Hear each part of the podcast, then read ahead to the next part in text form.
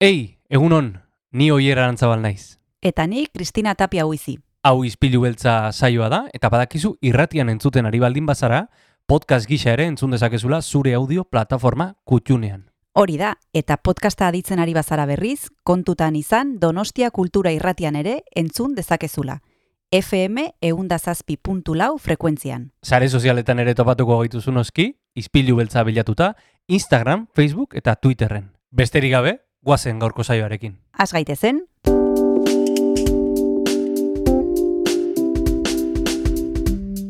Ispilu beltza. Donostiako kulturaren berri, Oyer Arantzabal eta Kristina Tapia buizirekin. Egun honen entzule astelena da, otxailak zei ditu, ez dakit non harrapatzen zaitugun aste honi hasiera ematen, espero dugu umore honez egotea, gu alaxe gaude, hemen Donostia Kultura Irratian izpilu beltzean.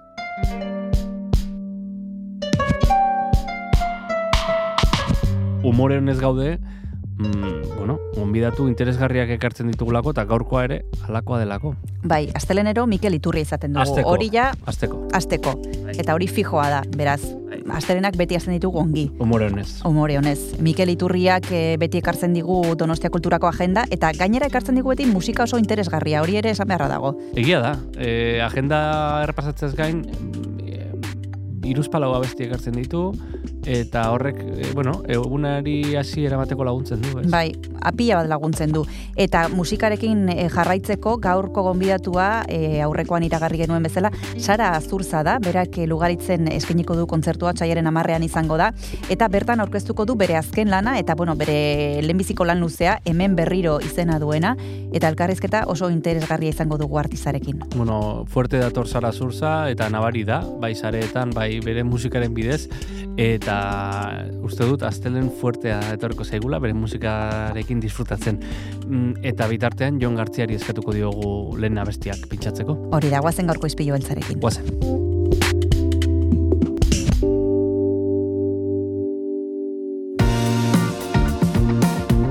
Bagoaz beste aste batez izpilu beltzari ekitera, eta badakizu asteleneko menua izaten dela lehenik Mikel Iturriarekin hitz egitea, berak eh, argitzen digu Donostia Kulturako agenda, eta horren ostean izango dugu Sara Azurza, abeslaria, izan ere hemen berriro izeneko diskoa kaleratu berri du, eta horren inguruan arituko gara berarekin, eta ondo iruditzen bazaizue, ba, bere abesti bat eh, entzungo dugu saioari hasiera emateko, entzun dezagun Together.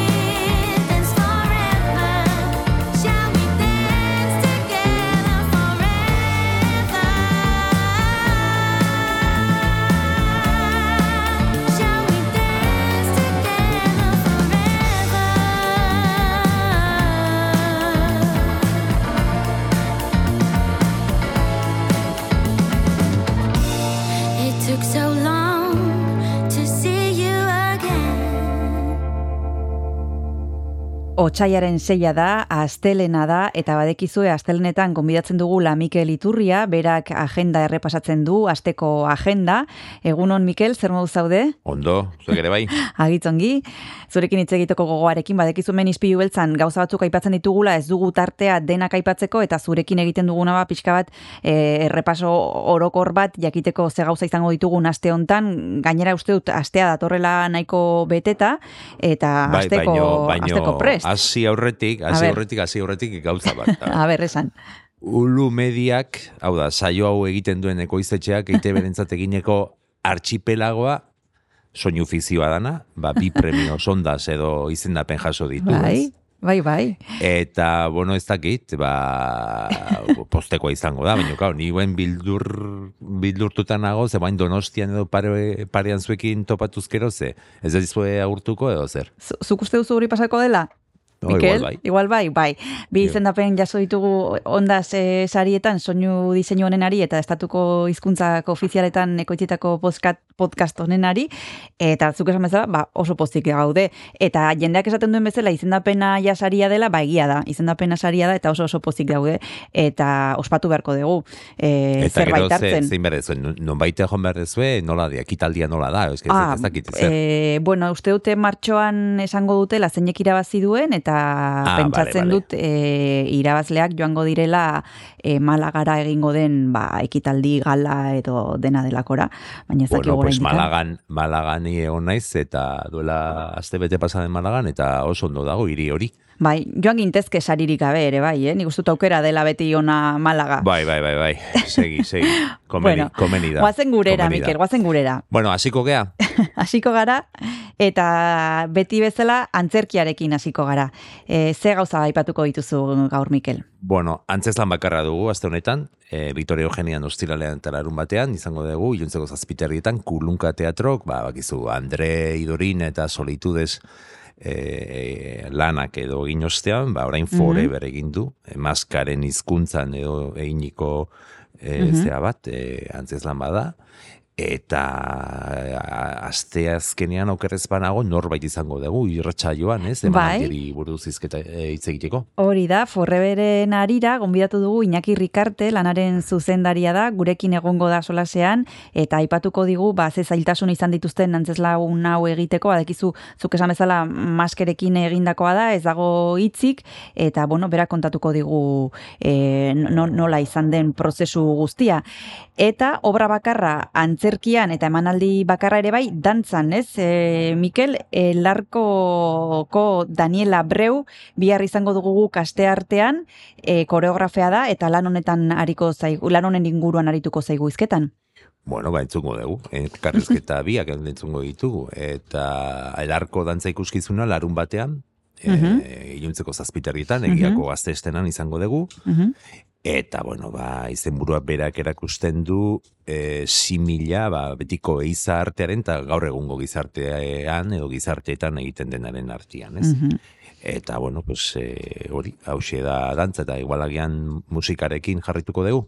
Primeran, aipatu ditugu antzerkian eta dantzan izango ditugun emanaldiak, eta hasiko gara kontzertuekin, Mikel, musikan zer izango dugu egunotan? Bueno, lehenik eta behin, bost emanaldi ditugu datozen egunetan, e, berrogeita garren jazaldi barruan, Mhm. tokiko taldeak hautatzeko prozesuan, bain bat kontzertu daude, eta e, datozen egunetan bost emanaldi.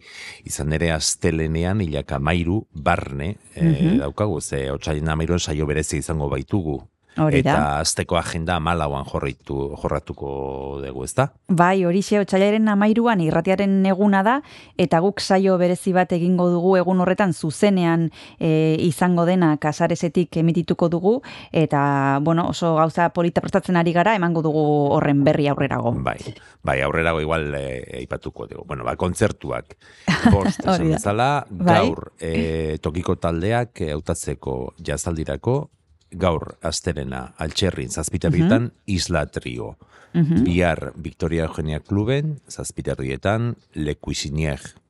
Aste azkenean altxerrin zazpiterrietan laukote bat, xau, e, igandean Victoria Eugenian berriro, kasu honetan zazpietan, igandea delako, zazpikote bat, amaika arrude, e, eta amaitzeko altxerrin, hilaren amairuan, boskote bat, e, Brian Hatchin Project edo.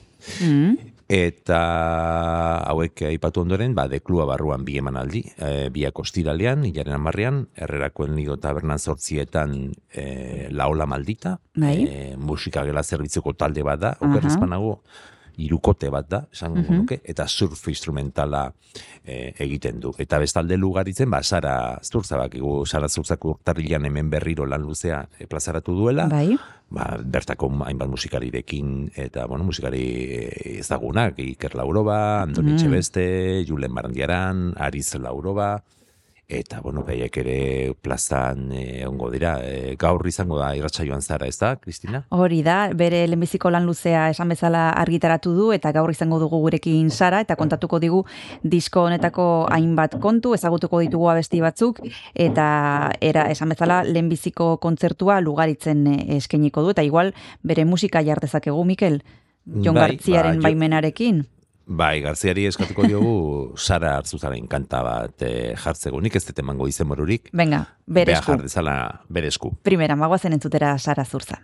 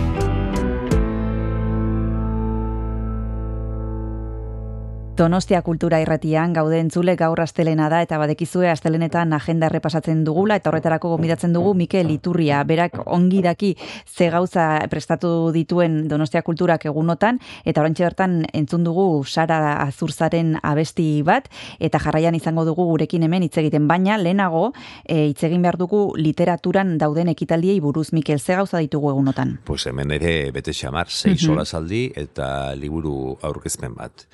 Lehenengo solasaldia gaur, astelena seietan aukendo kulturetxean, Nel Leixonen eh, esnearen kolorekoa, solasaldia euskeraz da, eta ne maiozek gidatzen du. Ordu bete berendogo zazpietan amara berriko ikasbiden, eh, amaiur eferren eh, profeten iruzurra, Mhm. E, solasaldi hau ere euskeraz da eta edu zabalak gidatzen du Bai. eta kasu honetan e, idazleak hartuko du partea Maiur Efer bertan egungo da. Aste artean bihar hilak zazpi San Jeronimon Jose Luis Oda- Otamendiren landura liburua zarituko dira inigo aranbarrik eh, dinamizatzen duen solasaldian. Aste azkenean Ernest Luken Elena Poniatowskaren Leonora, gaztelaniazko tertulian, Javier Mm. mm. gidatzen du egun eta ordu berean, baina aieten e, geten e, zera, klasiko bat, Las tribulaciones del joven Werder, e, lantxabe uzutarren e, elkarterekin batera egiten da, dinamizatzailea Lola Arrieta, Ostegunean liburu aurkezpen bat aipatu dugu, liburu aurkezpen bat izango genuela, eta Ernest Luken izango da, ostegunean zazpietan, Elvira Navarrok, ba, oroimenari buruzko novela bat idatzi du, Las voces de Adriana, eta aurkezpenea e, bai lehenia benditorekin batera edo egingo du gonbidapenak ez dakit geldituko ote dien e, otsailaren lautik bederatzira banatu, banatzen ari dira kulturetxean eta go, gehienez bi, bi gonbidapen pertsona bakoitzeko. Azkenik, atorren astelenean ingelesezko solasaldia San Jeronimon, A Single Man, Christopher Isherbuden liburua, eta bakizue Donostia Book Clubek e, e, antolatzen duela, eta Bai. ez dauka graboska dela dinamizatzailea. Oso ondo, ba, ipatu ditugu Mikel Antzerkia, dantza, musika eta literatura atalak eta orain tokatzen zaigu erakusketen txanda.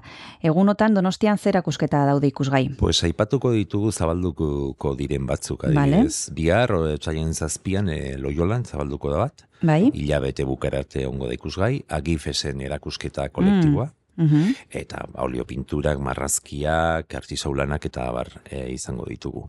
Aste azkenean zabalduko da beste erakusketa bat aieten, martxoaren hogeita maika arte izango deguna, desertuko emakumeen bidaia, MKE kooperatiba eta donostia kulturaren artean antolatutakoa, argazki erakusketa bat da, Ostegunean intxaurrondo kulturetxean beste bat irekiko dugu, e, otxaian hogeita zortzi arte, munduan, al- mundu, mundua aldatu zuten emakumeak. E, Hmm. emakumeak zientzian, izeneko elkarteak, Mhm. ba, zientziaz eta teknologiaz baliatuz, ba, hainbat, e, bueno, hainbat e, emakume zientifiko eta eh, teknologoen berri emango digu erakusketa honek.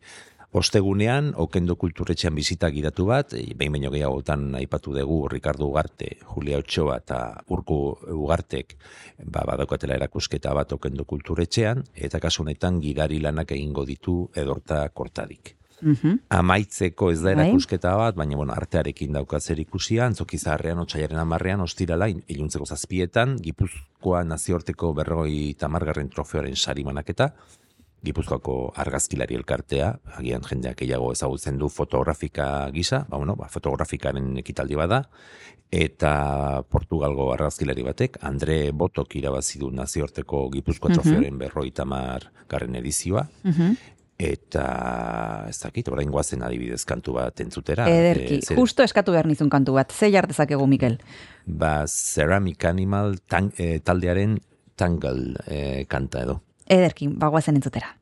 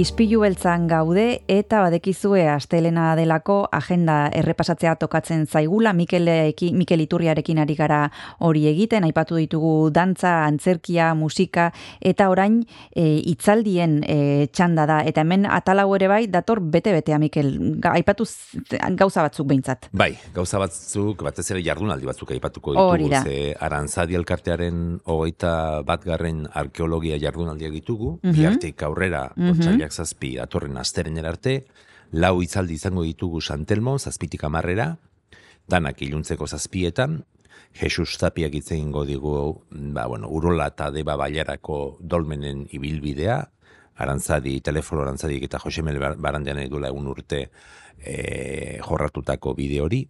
E, aste azkenean Ana Benitok iturri txikiri buruz hitz egingo digu, arkeologoa da Ana eta liburu bat egin dut, iturri txiki, divulgazio liburu bat, dola bosten urteko ondoratze bada e, getariako badian gertu zena. Gero, e, ostegunean paiseko kazetari e, el paise unkarian kultura italianan egiten duen e, Vicente Olaya Aha. etorriko da, la costurera que encontró un tesoro cuando fue a hacer pis, bagizu, lako, e, ematen du Ander Izairreren artikulu, artikulu bat. Bai. E, eta gero Santelmoko lau jarduerekin amaitzeko potoloenan ikustu dela ostiralean irulegiko eskua, Mm. Bakizu mugarri dela, baskoien hizkuntza eta Bai. sinesmei buruzko zea ikerketa, eta bueno, Bai. hor arantzadi zientzialkarteko kide bat dago tartean, behaiek e, mm, 2000 zazpitik aidia e, bertan indusketak egiten, Mhm. eta zuzendaria Makina Iestaran egongo Bai. da e, zean, Santelmo, berarekin batera Javier Belaza, Bartzelonako Unibertsitateko Latindar Filologiako katedraduna, eta Euskal Herriko Unibertsitateko beste katedradun bat, Joaquin Gorrotxategi. E, ginga moduan esan dezakegu astelenean, antzokizarrean egongo dela berriro e, Makina Iestaran, esan dakoa, indusketen zuzendaria, Eta kasu honetan hitzaldia da, irulegiko e, indusketa horri buruzko hitzaldi bat, eta musika ere lagun Mhm. izango du, ba, orekate X eta Mm. bulego taldeko Mhm. ton lizarazu. Mhm. E, gonbidapenak, ba ez dakite ongo ote den, ze oita maikatik aurrera dira banatzen Santelmon, eta baten bat soberan baldin badago, ba, otsailaren amairuan bertan e, antzokizarreko lehiateian egongo dira e, Ongi da. ba, bueno, ba, eskuragarri. E, itzaldi bat, e, kasu honetan, mm, aste artean, bihar Bai. intxaurrondo kulturetxean, Bai. egalak zabalik fundazioak antolatutako bibir la diferencia, hor Bai. badaukate sensibilizazio proie- eh, proiektu bat, desberdintasuna bizi, eta ez gaitasuna duten pertsonen artean, ba, kirola eta osasuna sustatzeko egitasmoa da. Hiru mm, beren esperientzia kontatuko dizkute Junkal Zepedak, Miren Martiarenak eta Zurinean Zolak, modereratzaile lanetan Roberto Herrero antzerki idazle eta kritikari arituko da, Bai. Eta gainera e, Olga Grande kazetaria izango da aurkezlea. Hori da, eta guk aipatu behar dugu, Mikel, zurine danzola izango dugula jarraian hemen eh, izpilu beltzan itzaldi honen inguruan hitz egiten, ze oso ekimen eh, polita da, eta eh, izugarrizko itzulia egin dute Gipu- gipuzkoan barrena, eta justu bukatzen dute intxaurrondon, eta guk konbidatu dugu zurine danzola. Oso ondo. Horren berri e, neukan, ene, e, edo, bueno, ba, akizu, ba, zutan, e, enaiz zain, e, zea, espabi, espabilatua. Bueno, bueno. E, gauza bat, Bai. e, hasieran esan bezala, Bai. ikusten ez agendan, datorren astelenean, lauetan Tomasen kulturretxean egongo dela, izpilu beltza zuzeneko Bai. emisioa, Bai. irratiaren nazioarteko eguna da, eta bueno, ez dakitze kontatzeri daukazun edo. Bai, esan bezala, e, astelenean e, irratiaren nazioarteko eguna ospatuko dugu, eta zuzenean egongo gara, arratsaldeko lauetatik e, seiak arte, altzako Tomasene areto nagusian, eta bertatik, ba, Donostia Kultura irratian parte hartzen duten eragile eta auzoan ere lan egiten duten beste elkarte batzuk ezagutzeko aukera izango dugu, bertatik pasako dira, elkarrizketak egingo ditugu, oso gauza polita prestatzen ari gara, eta gainera, Mikel, nahi izan ez gero, e, edonor pasa daiteke ikusteko nola egiten dugun saioa bertan zuzenetik. Beraz, nik uste dut polita izango dela ezagutzeko bai Donostia Kultura Irratia eta bai altza auzoa. Vale, ba, ni igual bertara joango naiz. Primeran, ba, egongo gara. Astelenean, astelenean esan dugu lauetan. Vale, da. daite. Ze, albali madet pasako naizeni, e, Tomasen ez, baino hendikan egin gabe zegoelako, baino kasarezen lanean ibilen nintzen. Mm, orduan, ba, be, ezagutzen duela duzu orduan. Urte batzuk, bai.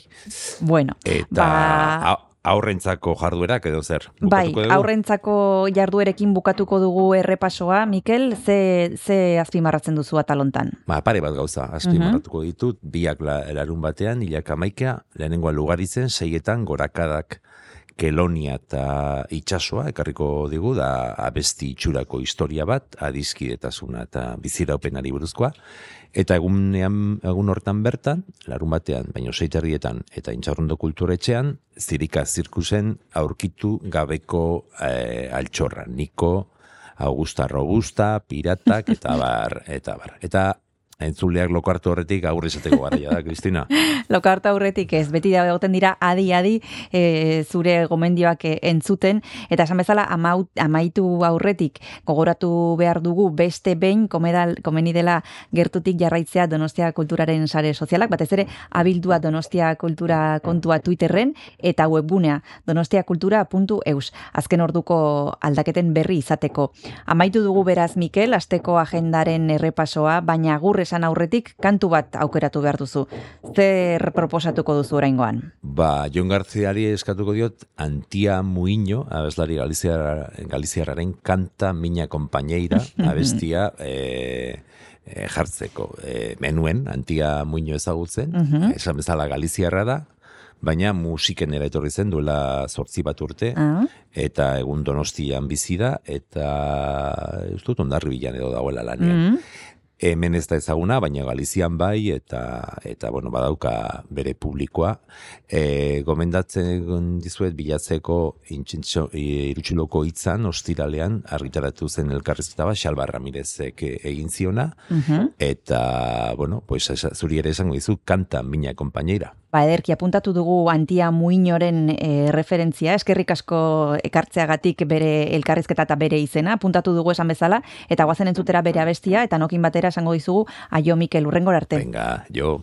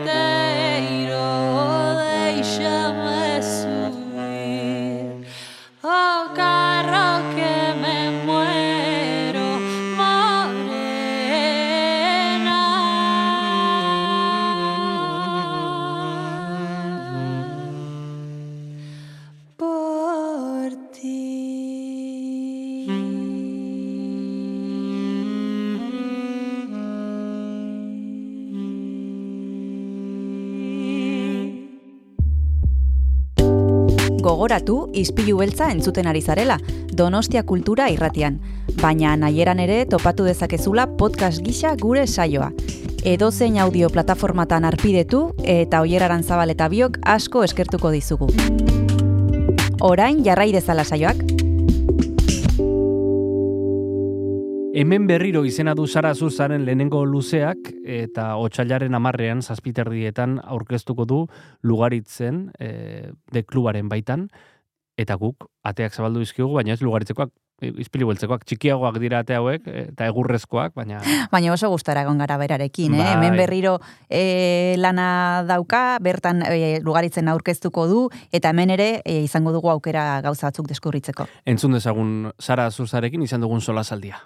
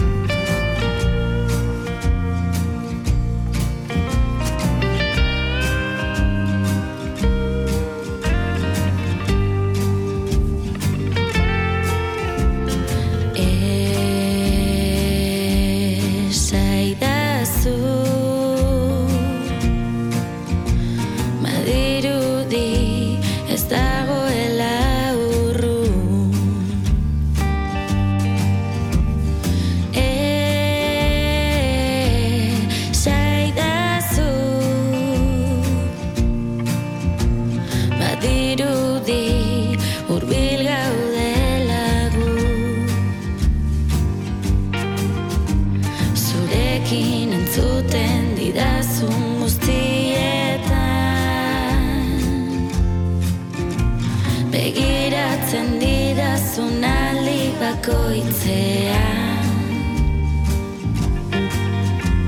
Nirekin aritzen zaren egun ostean.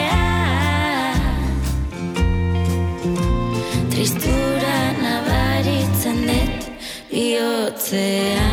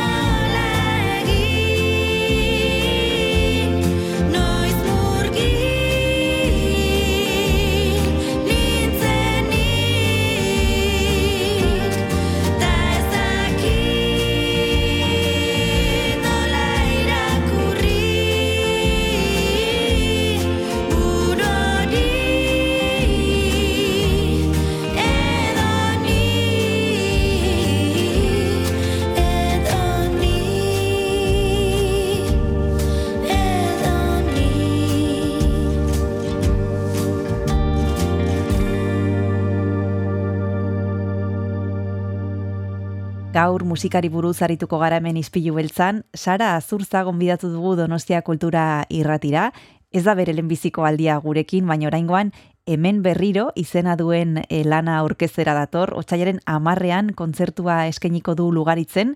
Egunon, Sara, zer modu zaude? Egunon, osan dotazu.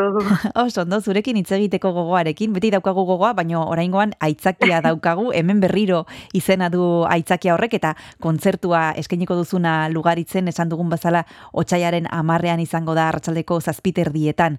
Bueno, e, zer prestatu duzu kontzerturako? E, disko berriko kantak, e, zarrak ere gongo dira, zer, zer ari zara prestatzen? Bueno, a ber, gehienak eh, disko berriko kantak izan barri da, ez? Azken, abesti berriak aur- aurkezten aizea, baina beti beti dago ondo, bai, zar batzuk berreskuratzea, eseke pixka bat denetarik egongo da.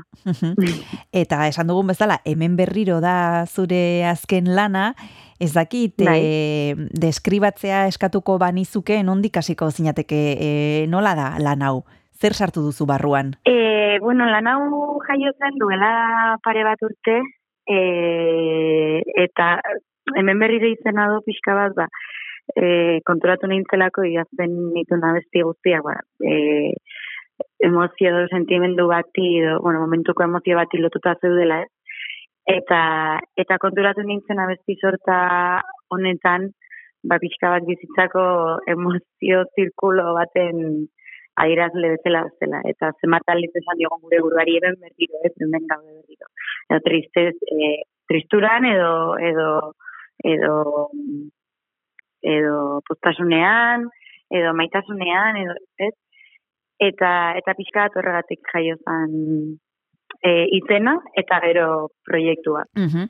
Ba, ongi iruditzen baldin mazaizu, Sara guazen entzutera zerbait, e, zer e, betortzen zaizu burura e, entzulekin partekatzeko, zer jarriko dugu? Ba, jarriko dugu nik uste duela pare bat hilabete edo gehiago e, uste ustela katera genuen lehen Mhm. abestia, gartxotekin e, kolaboratzen, eta hori jarriko dugu uste. dut. Ederki ba, guazen entzutera.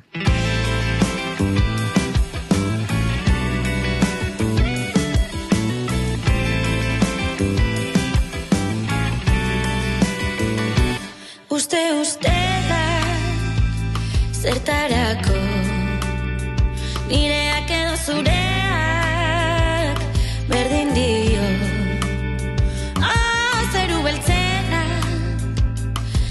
islatuko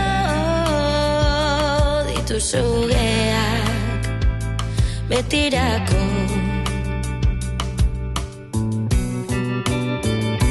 Bide xumeak beti erakutsiko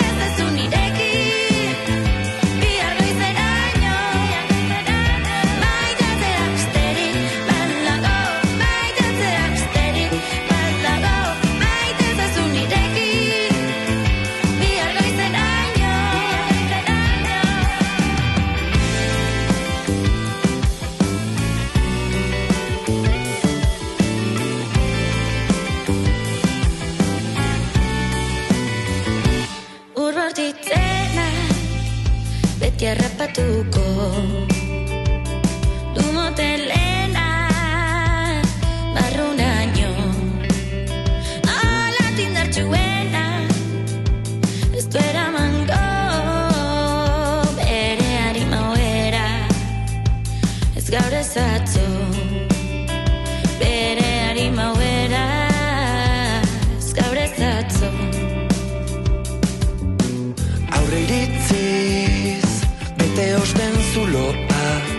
Iritsi aurretik banoan nondik Nabili ez da nora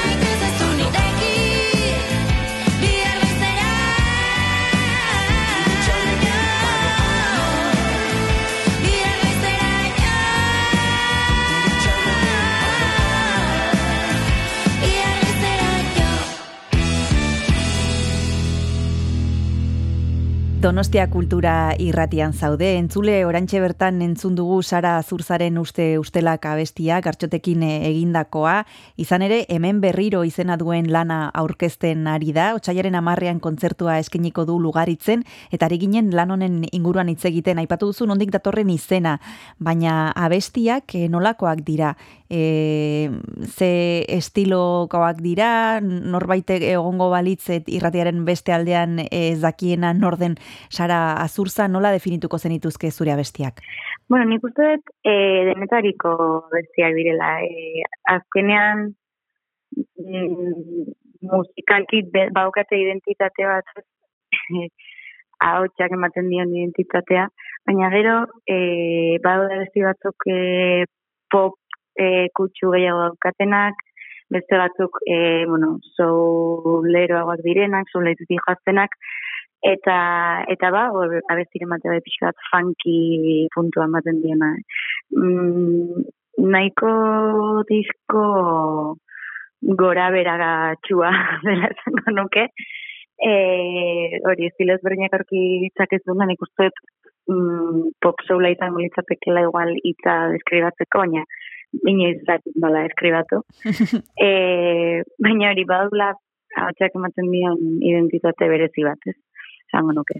E, aipatu duzu e, proiektua igual duela bi urte sortu zela, prozesua nola izan da, e, Sara, e, e, izan dituzu momentuak non utzi duzun alde batera, egontzara sortzen denbora guztian, e, bapatean etorri zaizkizu abesti guztiak, nola izan da bidea? E, nik uste eta hasieran bueno, nahiko gora beratxo izan da, diska bezala, eh? E, hasieran, bueno, ez nuen pentsatuta disko bat egitea egia zen, eta pixanaka, ez, hasi nintzen nean abeste hauek e, sortago biltzen, ba, esan ba, gozen disko egitea, ez? Eta pixka bat, ba, animatu nintzen, ez, hau ateratzera. Bueno, gero ia da, ba, bai dela prozesu nahiko, e, nola esango nuke, e, zaila momentu askotan, ze baliabide asko behar dira, eta, eta bueno, askotan, ba, ba den, bakoitzak bere denbora behar du, e, nekat, askotan nekatu egiten zera, baina beti dago bet, e, ilusio hori ez, e, indar gehiago daukana. Orduan, hori, azitzen pixka bat ez proiektu bat bezala, eta eta egia esan oso pozik nago maitarekin. Aipatu dituzu zailtasunak, Sara, erronkarik handiena agian egon daiteke e, musikatik at dauden gauza hoietan, ze, bueno, baliabideak aipatu dituzu, e, e, rekurtsoak, eta nik ezakit e, justu e, zailtasunak hor dauden, ez? E, musikatik kanpo dauden gauza hoietan, edo ez, musikar ere izan dituzu zailtasunak. Ez hori da, nik esango nuke bai daudela zailtasunak musikatik kanpo, azkenan musika egiteena e, musikari bati, bueno, e, tzaio zaiena egingo, azkenean nik uste e, politena dela. Gero, egia da musikatik kanpo den baliabideak, askotan e, zaiak direla prozesuan, e, bueno, disfrutatzea. eta eta askotan horrek ematen ditula zailtasunak bai. Eta askotan ba, pro, prozesu, diskoatatzen prozesu askotan, e, ez dakit, ez da, ez da beti oso atsegina, baina e, horrengatik ez baliabide eta rekurtso falta hongatik. Eta bestiak egiterako momentuan, Sara, e, niri kanpotik esan da, eh? iruditzen zait, e, zaila e, jartzea e, puntua e, abesti bati, ez? Noi, no, nola jakin edo noiz jakin e, ez dizkiozula e, buelta gehiago emango abesti bati edo disko osoari hau izango dela e, behin betikoa. E, no- nola egiten da hori? Ah, bueno. Hori denbora guztian gertatzen da berdina, eh? Zan nahi dut, e, jo, disko bat, edo abesti bat e, jaiotzen den momentutik, e, abestia bukatzeko momentu arte, oza, pasatzen ditu abestiak izakitzen bat prozesu. E, eta beti daukazu ez, e, hortu da txiki bat, eta hau jarriko banioke, eta hau kenduko banioke, eta eta beste modu batera egingo banu, eta eta igual lasaiago dago, beti dago zalantza hori, baina azkenean ikusten dut behin ja e, emaitza gustora hartuta, ba, ya está, hor dagoela gakoa, ez? Baina beti dago dudatxo hori, ez dut, beste hau beste modu batera ingo banu, edo hau esango banuke beste gauza esan beharrean. Mhm. E, baina, bueno, hori beti izango da honen parte. Mhm. Uste ustelak entzun dugu duela minutu batzuk, Sara, bigarren tartetxo bat hartu behar dugu eta bigarren abesti bat eskatu behar dizu, zer entzun dezakegu orain? Ba, orain entzun dezakegu, e, orain urtarrien atera berri dudan e, e, singla, baina e, diskoari ematen diona, hemen berriro izena duna. Mhm. Ederki, bagoazen entzutera.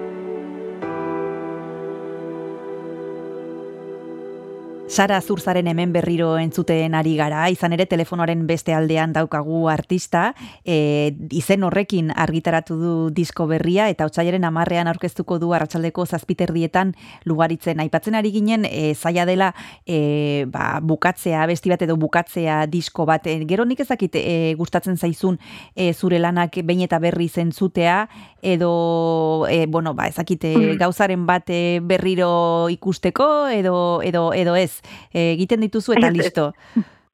Egiten dira eta entzuten dira behin baina gehiagotan, eta gero arnazan bartzaile. Bestela, bai, bai, hau bai, disko hau dela hilabete xente bukatu genuen, eta, eta udarna arnazan banion, ez entzun da bestirik udara osoan.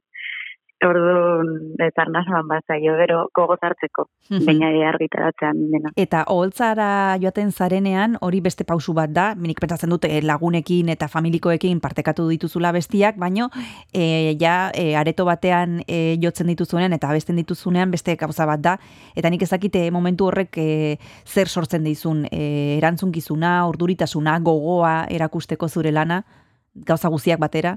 Gauza guztia bat, esan duke.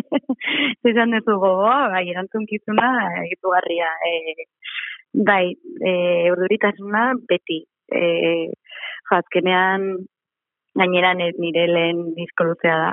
Eta, eta lugaritz bezalako toki baten aurkeztea, e, nire auzoan dagona gainera, esan, eta beti ematen dizu urduritasuna, ez? Eta, bueno, izugarrizko gogoa baita ere. Ja bestiak zuzenean jotzeko, e, zuzenekoa prestatzeko, e, azkenean gustatzen, bueno, gustatzen zaiguna zuzenean jotzea, osea, hori da ematen duen bizigarria ez, eta baina baita erantzukizun asko. Bueno, eta gainera igual, eh, ez dakit, eh, zure kasuan eh, hain kritika onak jaso dituzu hasiera hasieratik eta nik ez dakit horrek ere ematen duen eh, presio puntu bat, ez? Eh, ze ja mundu guztia dago zuri begira eta zure gauzak entzuteko gogoz eta nik ez dakit horrek ere gehitzen duen ba, beste puntu bat, ez? Bai, bai, hombre, beti, bai, presio hori beti dago gainean. Zan nahi dut, eh, eta gainera horrelako aurkeztu ematen, eh, zaila da presiorik ez egotea. Azkenan beti zure burua toki honean utzi nahi duzu, ez? Eta lan honek atzean izan duen esfortzu guztia ni gandi bakarrik, beste, bueno, jende asko izan dut eh, lan honen inguruan, eta denek esfortzu izugarria jarri dugu, ba, azkenan aurkezteak aurkezteakoan ba bai ematen dizu beti presio puntu hori eta baina bueno eh, presio ona da ez da presio txarra zaizuke Presio ona da, eta guk hemen e, entzungo ditugu abesti batzuk e, orain arte jarri ditugu uste ustelak hemen berriro, hirugarren bat eta azkena eskatu behar dizut, Sara. azkena E, zein Jo, jar dezakegu? Mm, Ba, esango nuke igual eh, momentuz eh, gehien entzun dena bestia ez oildu izena duena. Ederki, ba, guazen entzutera.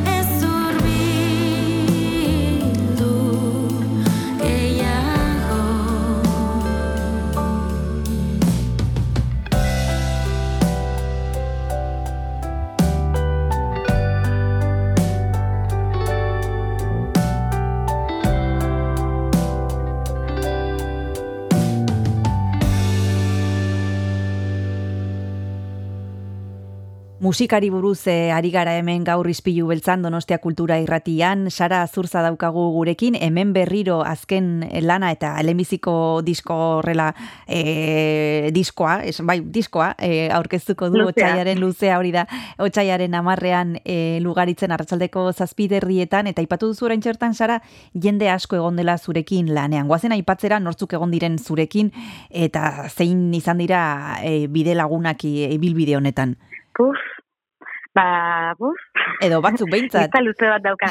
A ber, garran, aguantatu nautenak, eh, mm, esaten da bezala, las buenas y las malas, Mhm. aguantatu nautenak, beti daude hor ba, Iker Lauroba, nire talde, kal taldekideak Iker Lauroba, e, Julen Barandiaran, Aritz Lauroba, e, igone baina ez duna gurekin jotzen, baina e, aziratik egon zala nerekin, e, oiek, ez imestekoak, eta gero, ba, ba, dibidez, e, bideoklipak egin dizkiatenak, e, Paula Eguzkizan, Nonik Klago, eta eta in Barbara Fernandez e, eta bere taldeki guztiak eta Naiara Egimendia ere bai aguantatu nagoena desente eta nere buru guzti guztiak janditunak eta eta pixka bat horiek zola Mhm. orokorrean esango Mhm. nuke baina bueno dakit Bai, eta, eta lagunak eta familia ere pentsatzen dut eta ere lagunak eta familia ondoan egon direla. Aipatu Bai, bai, dituzu bai, musikariak eta aipatu dituzu baita ere e, pertsona batzuk e, egon direnak zurekin bideoklipak egiten. E, zuretzat ze garrantzia dauka irudiak e, zure lanean, berez e, musikaria zara, baina bai azpimarratzen duzu edo edo azentoa jartzen duzu baita ere irudian, ez da, Sara? Bai, eske asko gustatzen zai gainera, eh? Neri, bueno, e, abestiak visualki ondo ondo adiraztea garrantzitsua dela uste dut eta baita ere, ba, bueno, e, belarriti sartzen den bezala begitatik ez sartzen delako. Eta, eta bai, gustatzen zait garrantzia ematen dietorri ere bai, bai. Mhm. Ba, bueno, nahi izan ez gero e, baditu e, lanak ere begietatik sartu aldirena Sara Zurzak nahi izan ez gero kuskusiatu pixka bat. E, bukatze aldera, Sara, hemendik aurrera zer e, kontzertua izango duzu lugaritzen, eta nik ezakit zerbait gehiago daukazun lotuta, edo nola aurre ikusten dizun e, urtea. Ba, a ber, mm, beti dago eh, nola esaten da incertidumbre hori, ez? Ez dakizu diskoak ze, ze ibilbide izango duen, ez? E, baditugu kontzertu batzuk itxita, indikan ez ditutenak e, e, esto esan. Bai. E, baina, bueno, beti, ba ez dakit, espero dut jendeari diskoa gustatzea eta kontzertu askatzea eta asko jotzea. baina, e, ez dakitzea aurre ikusi. Ja. E, a ber, Kezkatzen zaitu horrek, Sara, jendearen erantzunak kezkatzen zaitu? E, bueno, kezkatu ez, Osea, ez da kezka, da, bueno, aberte iruditzen zaien, ze nik jarrieten esfortu hori eta hori, ba, espero de jendeari iritsiko zaiola, ez, azkena, ez, ez, zait- ez dik kezkatzen. E, baina, be- inoiz ez dakiz horrelako proiektuetan ze erantzun izango duen, ez, edo ze ibilbide okiko duen diskoako. Bueno, izan badakizu e, gutxi bera bera zuk jarri diozun gogoaren inguruan, ba, erantzun ona izango dula edo ez, baina dakizu oinez mm, zer gertatuko den.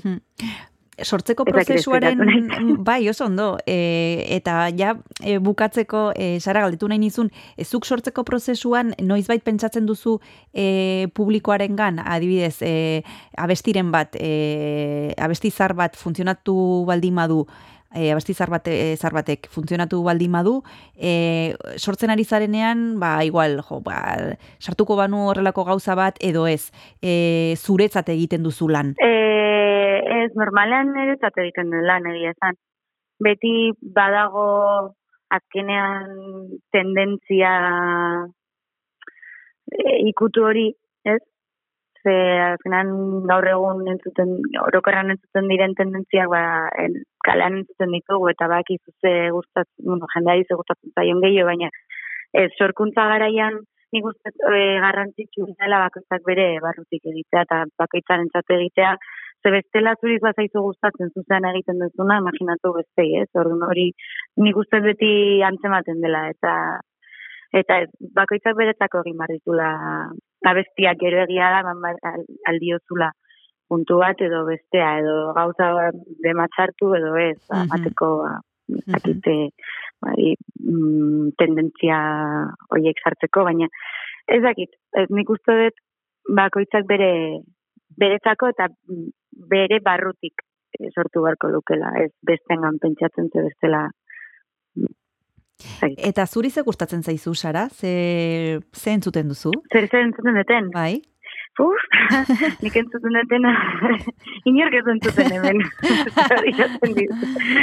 Inork ez dakit, ez, lagunik ik- ezagutu entzuten duna nire musika entzuten dutena. Eh.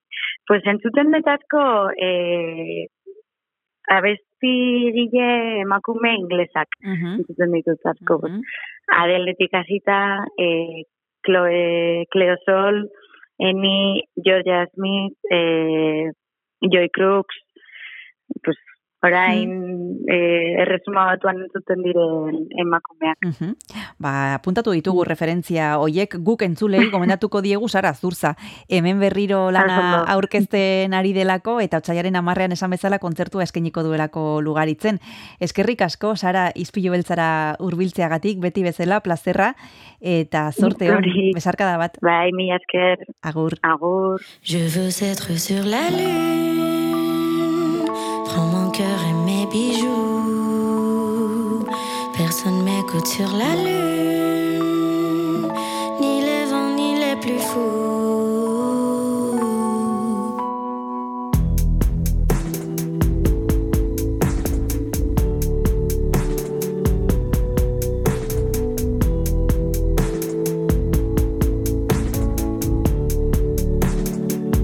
Je veux être sur la lune, toujours. Danser, chanter sur la lune. J'aimerais ça,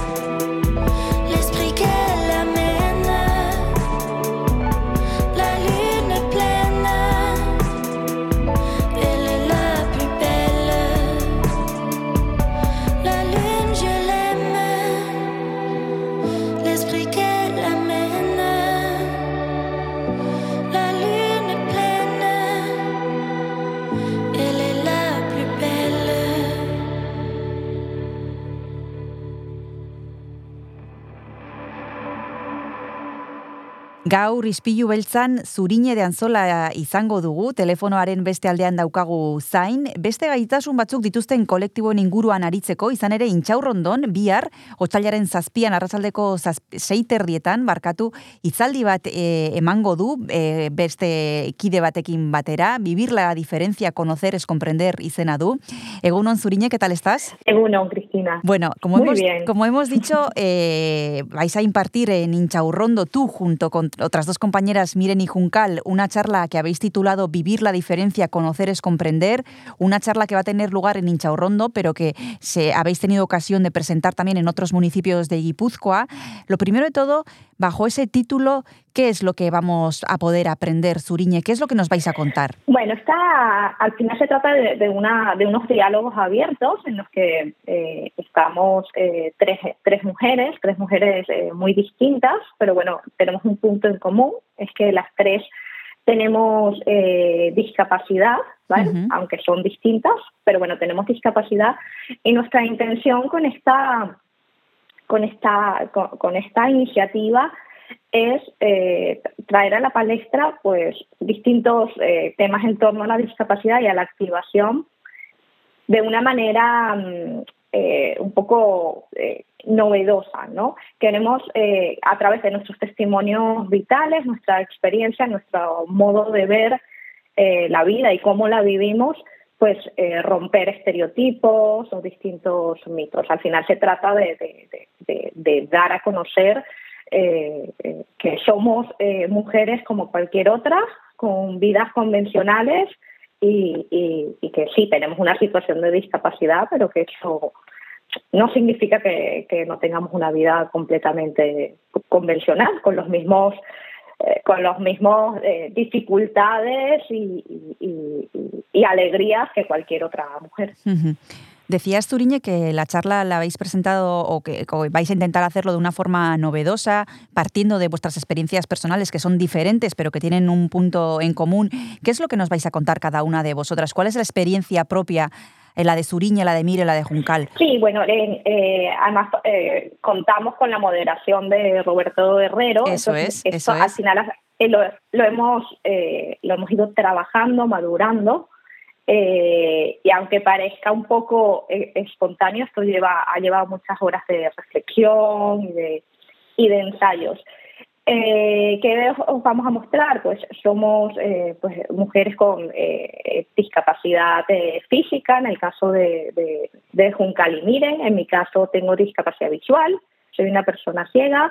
Luego también la, la, la, la causa de la discapacidad es muy diferente, aunque Miren y Juncal tengan una discapacidad física, pues eh, son con causas diferentes. En, un caso es una es una discapacidad eh, congénita de nacimiento, en otro caso es adquirida, eh, en mi caso es, es un mix, porque yo eh, de nacimiento, mi discapacidad es a raíz de una retinosis pigmentaria, que es una enfermedad degenerativa, y claro, yo de nacimiento y de niña, de joven, eh, veía, veía bastante mal, pero tenía baja visión, lo que se llama baja visión, y desde los 20 años o así, eh, eh, ya eh, soy una persona ciega. Entonces, bueno, es total, contextos eh, de la discapacidad bastante diferentes, pero luego las tres nos, nos enfrentamos en nuestro día a día, por un lado, a, estereotipos y mitos en torno a la discapacidad, porque, bueno, la discapacidad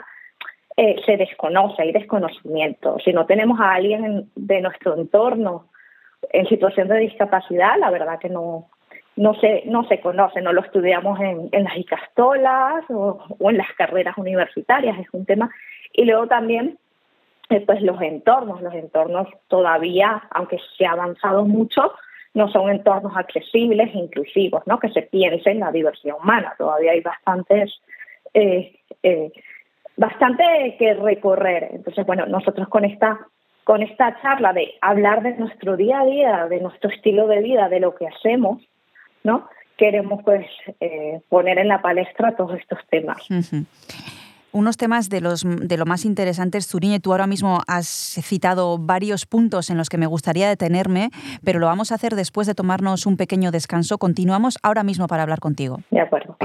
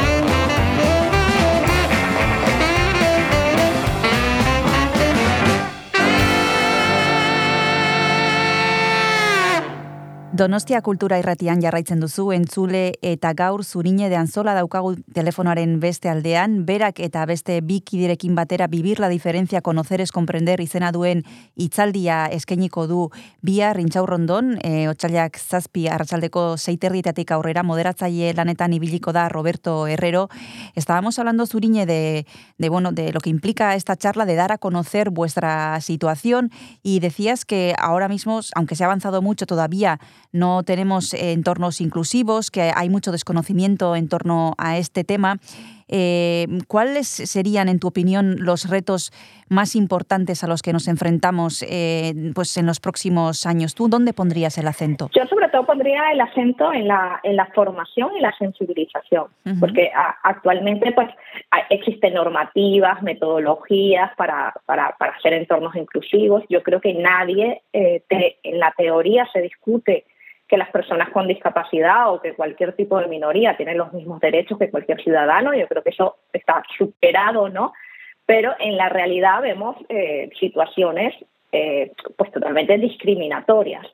¿Y, la, y, ¿Y por qué? Por este desconocimiento. Entonces yo creo que la clave está en, la formación y la, y la sensibilización, ¿no? De que conozcamos re- realmente qué significa eh, esto, conozcamos cómo es la activación de, en este caso, pues eh, esto está eh, muy, eh, en, este, en estas charlas concretas, estamos muy centrados en la activación eh, de las personas con discapacidad, que, que, que- que es posible, pero claro, luego pues hay que, hay que formar a la gente y por eso pues la, la, la labor de, de la Fundación Aiga Laxabalik eh, es tan importante en la sensibilización, porque esa va a ser la clave, ¿no? Porque que la sociedad nos preparemos, nos, nos lo creamos, ¿no? No- Nos, nos, nos quitemos todos esos, esos estereotipos, esos mitos y que ya podamos tratar a, a Miren, a Juncal y a Suriñe como personas, personas Suriñe, Juncal, Miren, que tienen pues eh, que tienen eh, defectos, fortalezas, habilidades, capacidades y nos fijemos en, en la persona y en sus capacidades y no,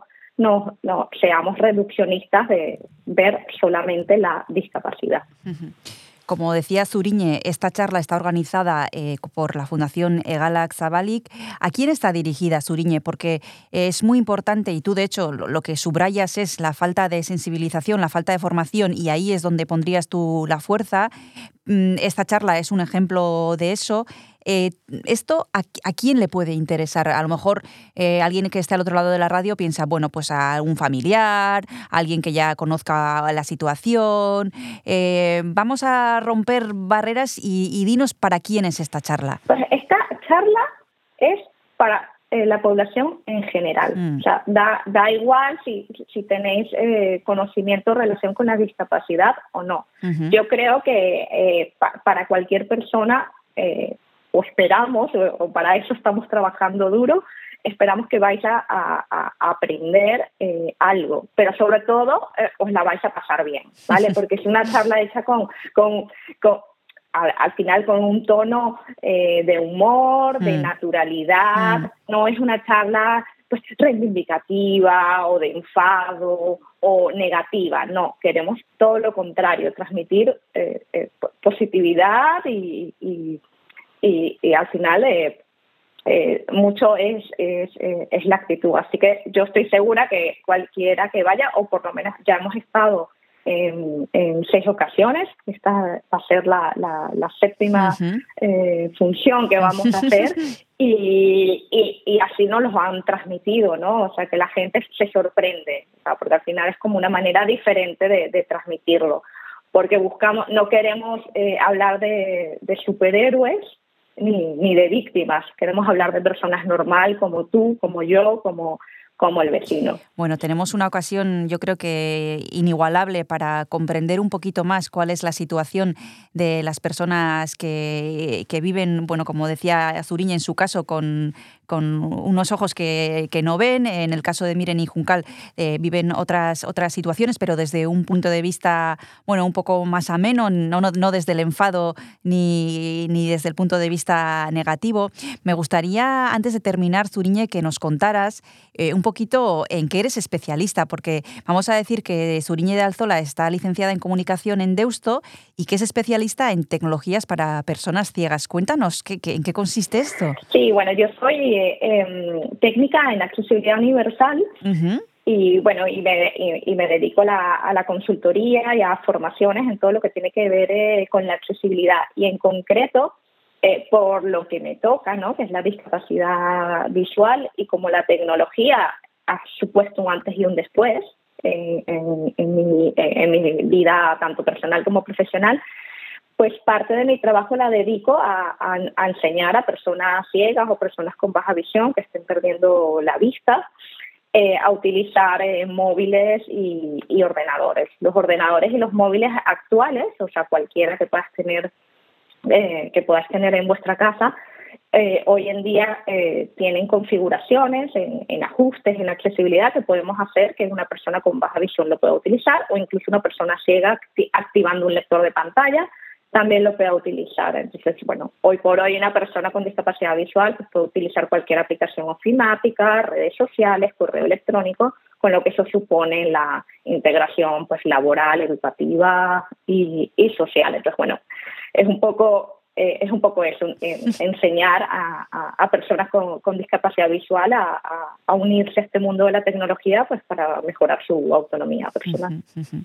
Bueno, eso es a lo que se dedica Suriñe de Anzola, entre otras cosas, porque eh, de momento la vamos a tener, eh, como hemos dicho, el martes 7 de febrero a partir de las seis y media de la tarde en Inchaurrondo, que como, como una de las ponentes eh, en la, de la charla Vivir la diferencia, conocer es comprender. Eh, ya n- yo creo que nos ha convencido a todos de que vayamos, así que al el que pueda, por lo menos a, a esa hora, le invitamos que, a, a que acuda. Y muchísimas gracias a Zuriñe de Anzola por, haberse, por, haberte, por haberte acercado a Ispilu Beltza. Un placer y hasta la próxima. Muchísimas gracias, este recasco. Agur. Agur.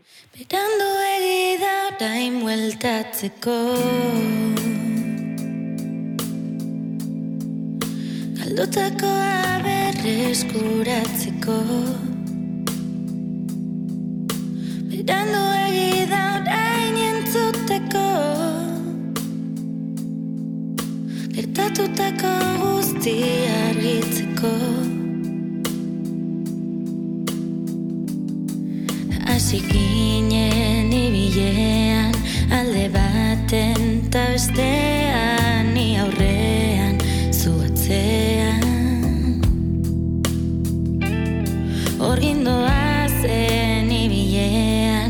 lurrean zu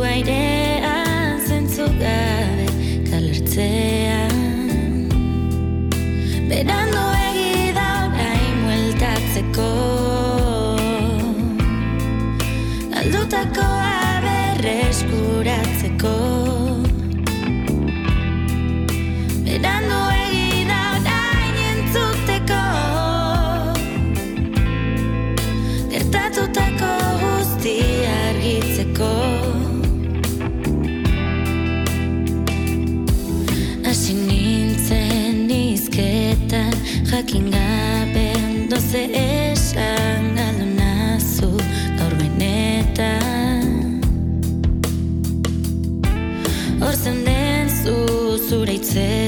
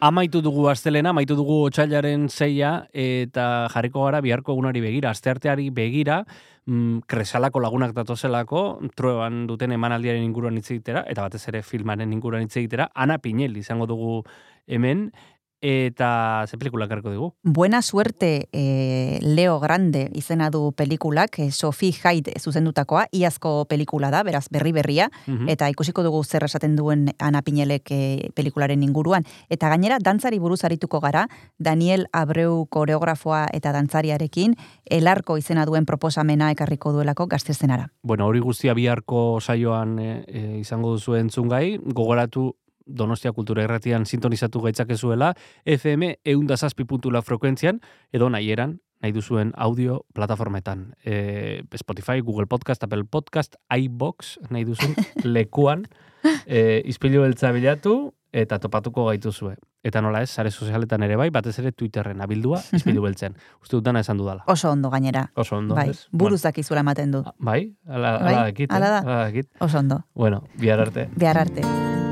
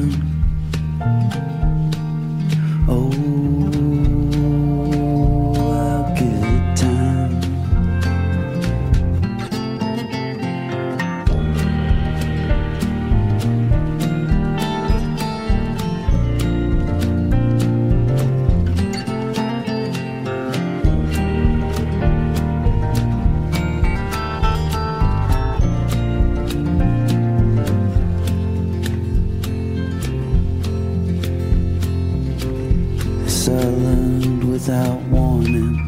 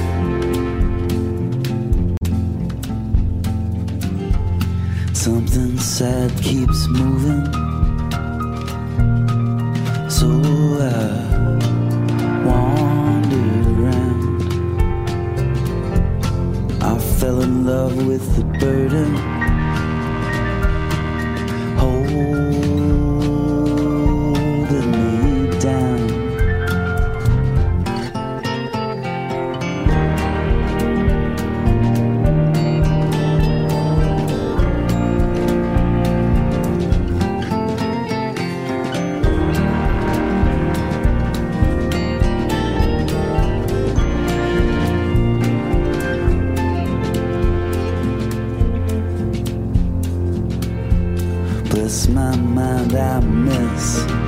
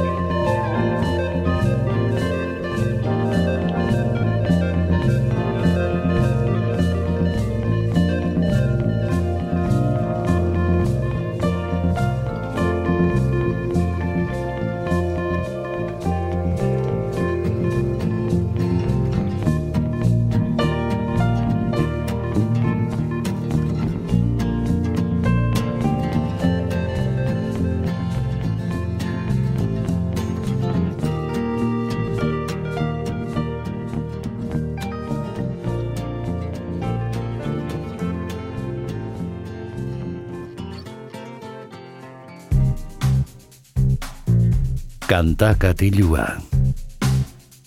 Jon Gartziaren eskutik.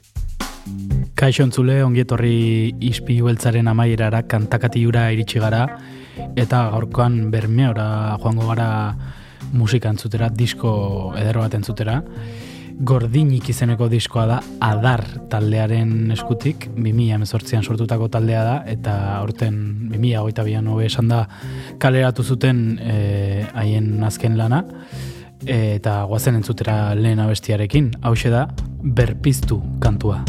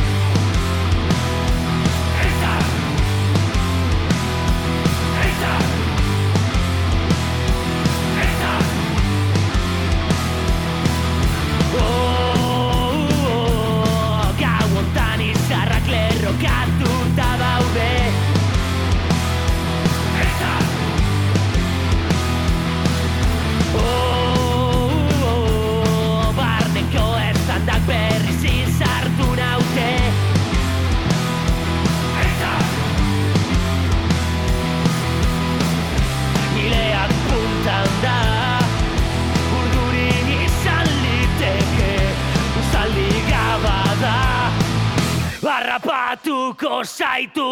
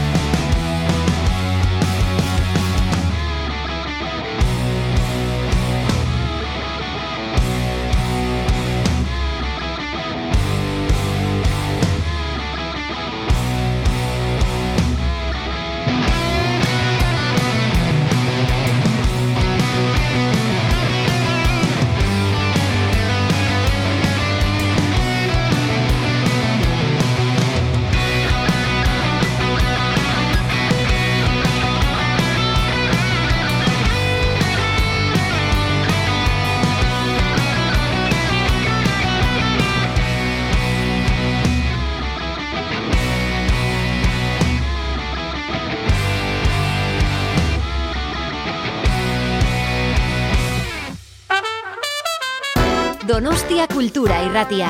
Eun eta zazpi puntu lau.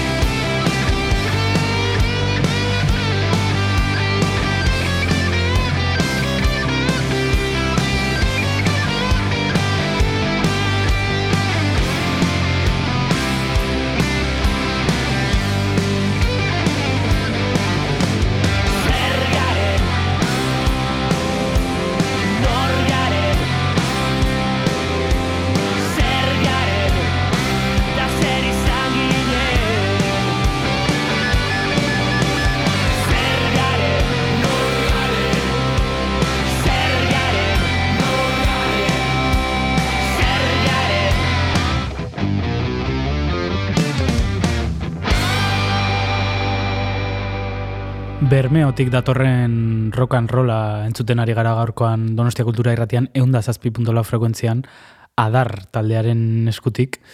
E, bizkaiko laukote honek gordinik izeneko lehen lana kaleratu berri dute. Eta bertan e, Skandinaviako rock and rollaren kutsuko abestiak bildu dituzte. Hitzei dagokienez e, zekenkeria, egozentrismoa, pasioa, beldurra naiz itxaropena bezalako gaiak e, jorratu dituzela aipatu dute. Diskoa 2022ko urrian Bilboko Koba estudioetan grabatua izan zen eta gor diskak e, zigilupean kaleratu da. Orain txentzun duguna izan da e, automatak izeneko kantua eta entzungo dugu e, diskoari izena ematen dion gordinak abestia.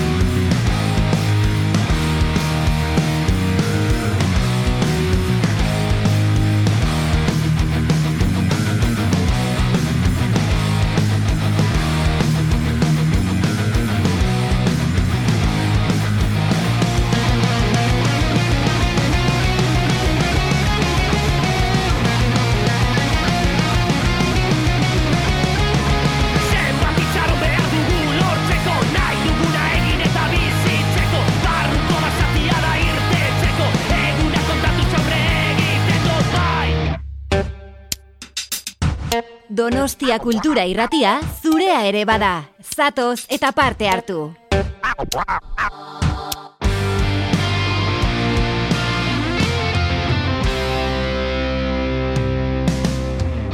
denbora gelditu Ni banoa eta ez dago inori zoiten Zain dagoela txetu Begira dargitu Ilun dago ez dute zer ez ikusten. Norain ere txetu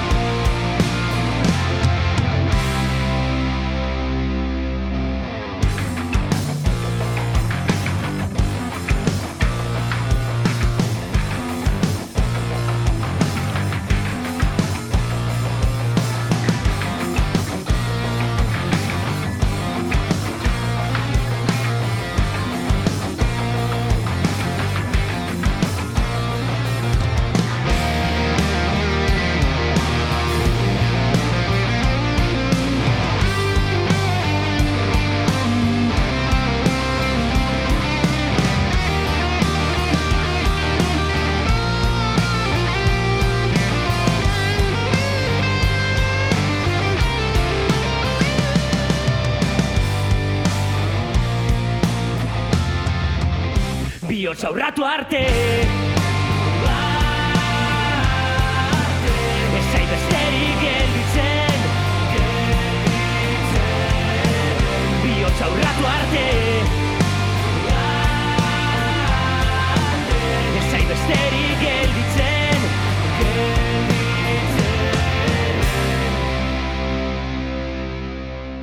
Hemen denborak ez du atzera egiten Azkar baten badoa. Erlojuaren horratzak astintzen Beti gaude esperoan.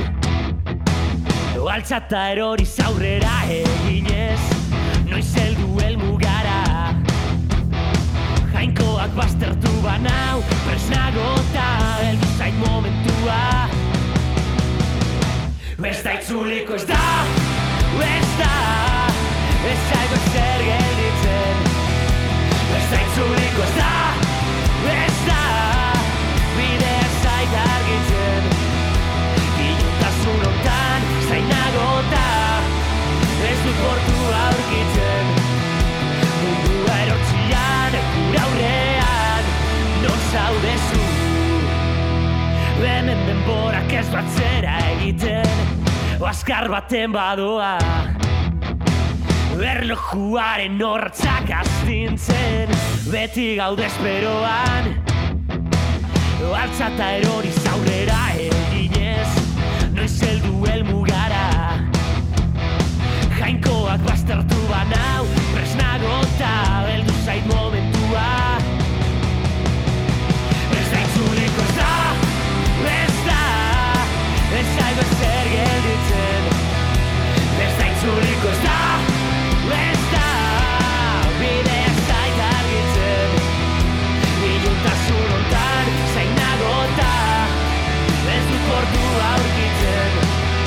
Mundu aerotzian, gure aurrean,